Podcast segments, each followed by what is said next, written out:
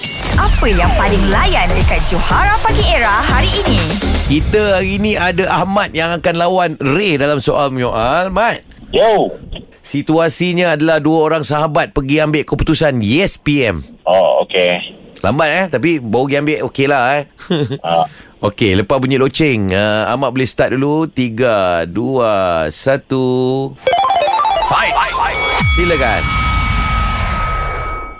bro, kau datang pukul apa hari ni? Datang pergi mana?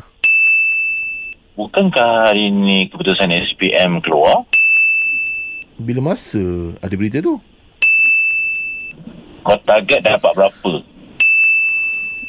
Engkau rasa aku dapat apa? Kau mau mak ayah kau datang ambil keputusan ke? Boleh ke bawa eh? mak ayah weh? Kenapa kau pakai baju biasa ni? Kenapa tak boleh ke? Kau dapat berapa grade? Grade apa?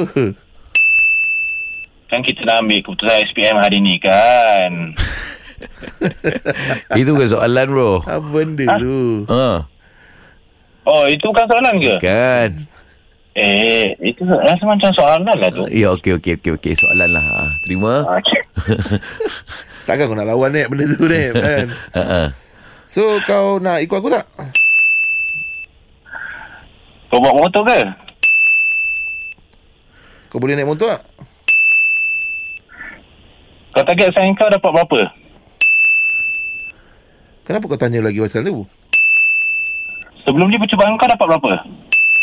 Okey habis Mat Cantik 10 Mat 10 Maknanya Ray yang kena umumkan kemenangan kau Ray teruskan Ah, Yeah. Ya! Siapa nama dia? Ahmad Ahmad. Ya. Yeah. Ahmad. You win. Ah, okey, boleh. Terima eh Ingat kau tadi ada satu benda yang kau tersalah tu. Ha, aku ni kira macam aku ni macam ah, tak apalah Ni- ni- rendahkan diri ah. Ni jaga customer lah Ray Jaga semua ah. Okay, guys semua. Okay. Okey Mat terima kasih Alright, okay. Catch up dengan lawak-lawak on points yang Johara Pagi Era delivery setiap hari Isnin hingga Jumaat. Bermula 6 pagi hingga 10 pagi. Hanya di Era Music Hit Terbaik.